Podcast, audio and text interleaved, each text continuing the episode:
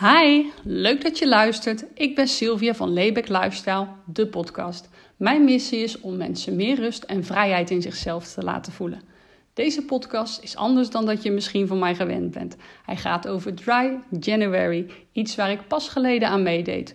Hoe mij dat verging en tegen welke uitdaging ik aanliep, dat hoor je hier. Een nieuw jaar betekent voor velen een nieuwe start. Stoppen met roken, afvallen of minder alcohol drinken zijn voornemens die vaak voorkomen. Dry January past perfect in het plaatje van deze nieuwe voornemens. Maar wat is Dry January en waar komt het vandaan? Tijdens Dry January draag, daag je jezelf uit om een hele maand geen alcohol te drinken. Oorspronkelijk is Dry January in Groot-Brittannië in 2013 gestart. Nu is het ook in Nederland niet meer weg te denken, zo vlak na de oud en nieuw. De voordelen van meedoen aan Dry January is minder gezondheidsrisico's die je loopt. Je bent minder geld kwijt, want ja, wees nou eerlijk, tijdens het uitgaan zijn alcoholische drankjes nu eenmaal duurder dan non-alcoholische drankjes. Alcoholische drankjes bevatten meestal meer calorieën. En uh, als je dan een maand niet drinkt, dan kan dat tot gewichtsverlies leiden. Iets dat voor sommige mensen een leuk voordeel kan zijn. Bovendien heb je een betere nachtrust als je niet drinkt. En je voelt je fitter als je opstaat. Mooie voordelen toch? En ondanks dat ik mezelf niet als een hele grote drinker zie, deed ik afgelopen maand toch mee met deze uitdaging. Voordat ik vertel hoe dit experiment voor mij uitpakte, neem ik je eerst mee naar welke rol drank in mijn leven speelde toen ik nog jong was. Mijn zus en ik groeiden op in een liefdevol gezin. Mijn vader dronk af en toe een pilsje in de avond als hij gewerkt had. Mijn moeder, die heb ik bijna nooit met een glas alcohol gezien. Als we ergens op visite waren of als er een feestje was waar gedronken werd, dan was mijn moeder eigenlijk standaard de bob. Een enkele keer dronk ze wel eens. En dat was dan een licht wit wijntje. En met carnaval, dan dronk ze bier. Carnaval stond echt voor gezelligheid. En drank, dat hoorde er bij ons gezin toen wel bij. En ik kan me nog herinneren dat mijn zus en ik tijdens de kindercarnaval regelmatig op de bar werden gezet. Um, ja, wat we verder dan ook uh, deden, we, we, werden beloond als we bierglazen op gingen halen. En dan kregen we chips of snoepjes voor. En ja, bij carnaval hoorde de drank. Zoals ik al zei. Nu mijn vader gepensioneerd is, drinkt hij ook af en toe graag een borreltje of kan hij genieten van een heerlijke whisky. Zelf drink ik maximaal twee wijntjes per keer. Dat omdat alcohol bij mij best hard aan kan komen. Natuurlijk heb ik mijn grenzen daarin wel verkend toen ik jonger was. En ben ik daar ook uh, regelmatig overheen gegaan. Ik ga nooit meer drinken, dacht ik dan op van die momenten als ik weer eens ziek was van de drank. Vervolgens stond ik een tijdje daarna toch weer in de kroeg met een alcoholische versnapering in mijn hand omdat ik vaak de bob was. Als we uitgingen, dronk ik meestal maar één glas alcohol. Ik wilde niet dat als er onderweg een ongeluk zou gebeuren, zou blijken dat ik te veel gedronken had. Daarnaast wilde ik ook wel een soort van controle over mezelf houden, zodat de kans kleiner is om dingen te doen waar ik later spijt van zou kunnen krijgen.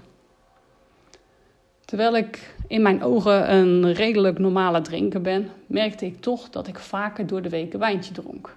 In de meeste weken van december. Zelfs bijna elke avond. Gezellig, dacht ik dan. Terwijl ik samen met vriendlief een Netflix-serie keek op de bank. Of ik nam een wijntje als mijn schouder overbelast aanvoelde. De pijn leek dan langzaam weg te glijden. Mijn schouder leek zich als het ware te gaan ontspannen. Ook na een drukke dag, als de kinderen op bed lagen, nam ik af en toe een wijntje. Omdat ik merkte dat het steeds vaker gebeurde.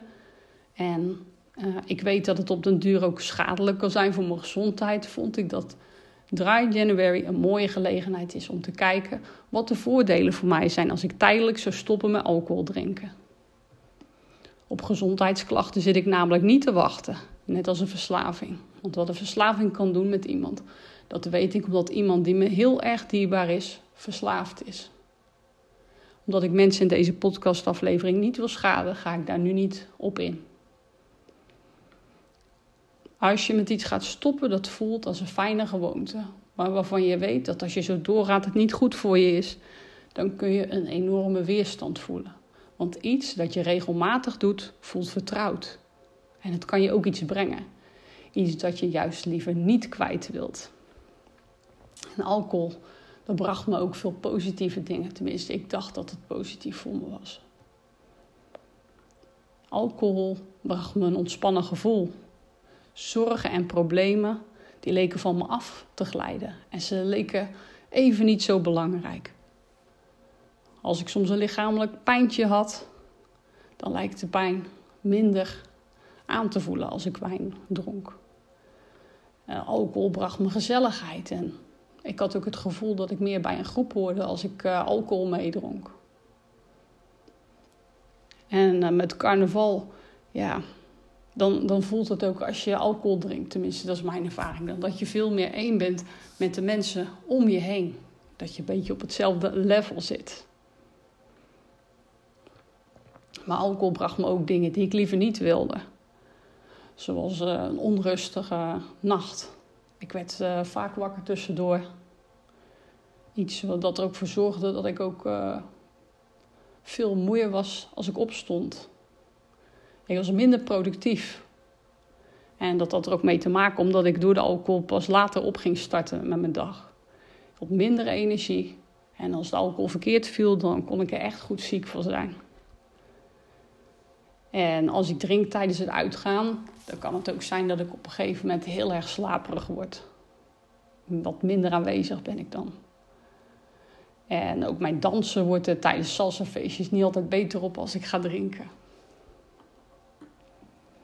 Toen Dry January kwam, dacht ik, waarom zal ik niet meedoen? Ik heb uh, immers niets te verliezen. Je moet niet wachten tot je klaar bent om te stoppen met het drinken van alcohol. Je moet kijken naar wanneer je de vervelende gevolgen van alcohol beu bent. En dat was ik. Ik wilde weer meer energie, ik wilde productiever zijn. Dus ik deed mee. En natuurlijk kom je dan af en toe in de verleiding in zo'n maand.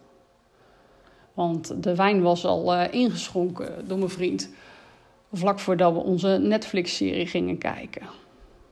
Ik heb hem afgestaan en uh, niet opgedronken. En mijn vriend vertelt dat ik een maand bezig was met minder drinken. Nou, helemaal niet drinken eigenlijk in deze maand. Dus hij was ervan op de hoogte. kwam na de rand ook niet meer met wijn aan. Dus ja, dat deed ik niet. Sowieso uh, zei ik tegen sommige mensen dat ik uh, bezig was met de uitdaging om een maand niet te drinken. En tegen anderen zei ik bijvoorbeeld: nee, doe mij maar een frisje. En ja, op salsafeesten dronk ik uh, meestal ook wel rosé. Vond ik dan lekker, al was het er maar eentje. Maar ook dat deed ik niet. En ehm, ook de keer dat ik uit eten ging, dat miste ik eigenlijk ook wel, dat wijntje of dat rozeetje bij het hoofdgerecht. Dat was voor mij ook even een uh, lastig moment. Want ja, ik vind eigenlijk dat een wijntje ook wel bij uit eten gaan hoort. Maar ik vond het nog lastiger toen we een heel weekend met 24 man in een vakantiehuisje zaten. Er werd volop gedronken in de avond en uh, er was verschillende wijn in huis. En als je dan hoort dat er ook heerlijke port aanwezig is, ja, dan was die verleiding wel heel groot. Maar toch deed ik het niet. Ik vond het wel heel lastig hoor, moet ik erbij zeggen. Of uh, als er uh, rond borreltijd na het werk uh, wijn op tafel komt en het glas al voor je neus wordt weggezet. Ja, ik heb het afgestaan. Als vrienden shotjes gaan drinken die gevuld zijn met drank die je heel erg lekker vindt ja, op dat moment paalde ik ook wel, want ik wou meedoen met die gezelligheid. En ik vond de drank heel lekker die in die glaasjes gedaan werd. Maar ik deed het niet. En ja, afgelopen vrijdag, 3 januari, was voorbij. Ik was, uh, ik was heel trots op mezelf dat ik het had volgehouden. En ik merkte echt wel verschil met hè, wat het doet als ik geen alcohol dronk. En toen begon de carnaval. In Berg op Zoom is het dan de weken voor carnaval al carnaval kun je al echt verkleed de stad in gaan. Super gezellig. En iedereen om je heen lijkt op dat moment soms wat blijer als jij die aan de iced zit.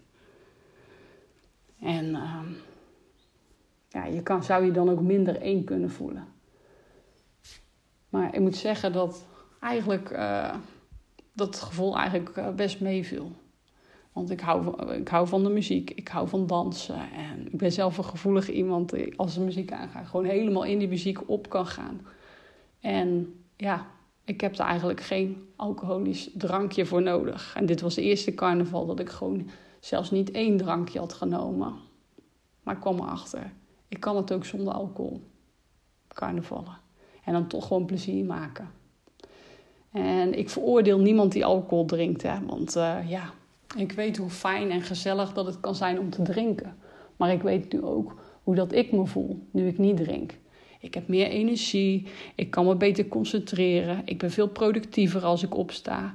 Ik heb daarnaast veel meer creatieve ideeën en ik heb meer zin om de dag te beginnen. Ik voel me in de ochtend fris en nieuw en dat geeft me zo'n fijn gevoel dat ik hierdoor de alcohol veel makkelijker kan laten staan.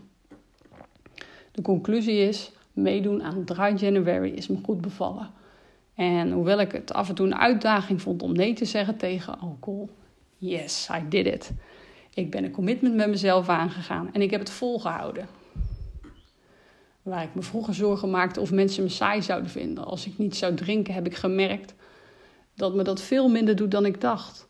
Ik voel me niet saai. Ik doe dingen die me gelukkig maken en ik stap regelmatig out of mijn comfortzone. Iets dat ik soms rete spannend vind, maar dat achteraf zo'n kick geeft. Daarnaast schrijf ik graag, dans ik met plezier en ben ik bezig om mezelf op persoonlijk vlak nog verder te ontwikkelen. Alcohol hoeft niet per se in dat plaatje te passen. En vindt iemand me saai? Tja, dan is dat maar zo. Ik ben tevreden met wie ik ben. Mijn pure ik is goed genoeg. En by the way, is het trouwens niet cool als andere mensen inkakken van de alcohol aan het einde van de uitgaansavond en jij nog volop energie hebt en de volgende dag weer fris opstaat? Er zijn dingen die ik anders ben gaan doen door de deelname aan Dry January. Heb ik een off-day en plof ik aan het einde van de dag moe neer op de bank, dan heb ik niet per se meer een wijntje nodig om de zorgen van me af te laten glijden. Ik vul mijn mok met thee, leg mijn hand op mijn buik, doe een paar ademhalingsoefeningen en daarna denk ik aan dingen waar ik dankbaar voor ben. Tijdens carnaval zit ik misschien minder op één lijn met de meeste carnavalvierders die gedronken hebben in het café. Maar ik weet dat, uh, dat ik alcohol niet nodig heb om een leuke avond te hebben. Heb ik last van mijn schouder of nek, dan probeer ik dit niet meteen te verdoven met alcohol. Maar doe ik even rustiger aan. Ik let vervolgens meer op mijn houding. Ik dans op mijn favoriete muziek door de woonkamer of ik doe de oefeningen van de fysio. Het zijn nieuwe gewoontes die ik mezelf heb aangeleerd en die me goed helpen. En of ik nu stop met alcohol drinken. Hmm. Nou, ik heb uh, besloten dat ik alcohol bewaar voor speciale momenten of voor af en toe in het weekend. En wie weet ga ik er ooit nog eens helemaal mee stoppen. Zeg nooit nooit, want ik weet dat het kan. En dit experiment was voor mij een hele leerzame ervaring. Een paar tips voor als je wilt minderen met drank. Nou, probeer eens uh, alcoholvrije drankjes en cocktails. Het assortiment wordt steeds uitgebreider. Er is echt van alles te krijgen hierin. Ook uh, drankjes die echt super lekker smaken. Zorg dat er gezonde snacks in huis zijn. Want doordat je stopt met alcohol drinken, krijg je misschien behoefte aan andere ongezonde dingen. Kun je nog beter iets gezonds in huis hebben, toch? Um, zorg ervoor dat je leuke dingen gaat doen, waardoor dat je niet te veel bezig bent met dry January. Sporten kan ook iets zijn waar je veel energie van krijgt. Wanneer je dit als een nieuwe gewoonte gaat uh, beschouwen, kun je ook daar veel plezier aan beleven. Vertel dierbare mensen om je heen dat je tijdelijk minder drinkt en vraag of dat ze je daarbij willen helpen of steunen. Je hoeft het immers niet alleen te doen. Ga in plaats van in de avond borrelen, eens met een vriendin op koffiedate of ga samen lunchen of boek spontaan een keer een high tea. Ook dat kan gewoon heel erg gezellig en leuk zijn. Het is gewoon een andere invulling. Daarnaast kun je voor jezelf ook uh, opschrijven van wat alcohol met je doet. Wat brengt het je, wat geeft het je en wat wil je juist niet. Welke negatieve dingen zijn die uh, alcohol uh, jou brengen. Door dat een beetje duidelijk voor jezelf te hebben, kun je ook meer richting krijgen van waar dat je naartoe wil. En last but not least, probeer bepaalde emoties niet constant weg te stoppen. Door ze maar te verdoven met alcohol. Maar pak problemen en diepliggende trauma's aan. Schakel hulp in waar nodig. Anderen kunnen je daarbij helpen. Ik, ik hoop dat ik je heb kunnen inspireren met deze podcast. Laat gerust een bericht achter via Instagram. Ik wens je een hele fijne dag toe. Tot de volgende podcast.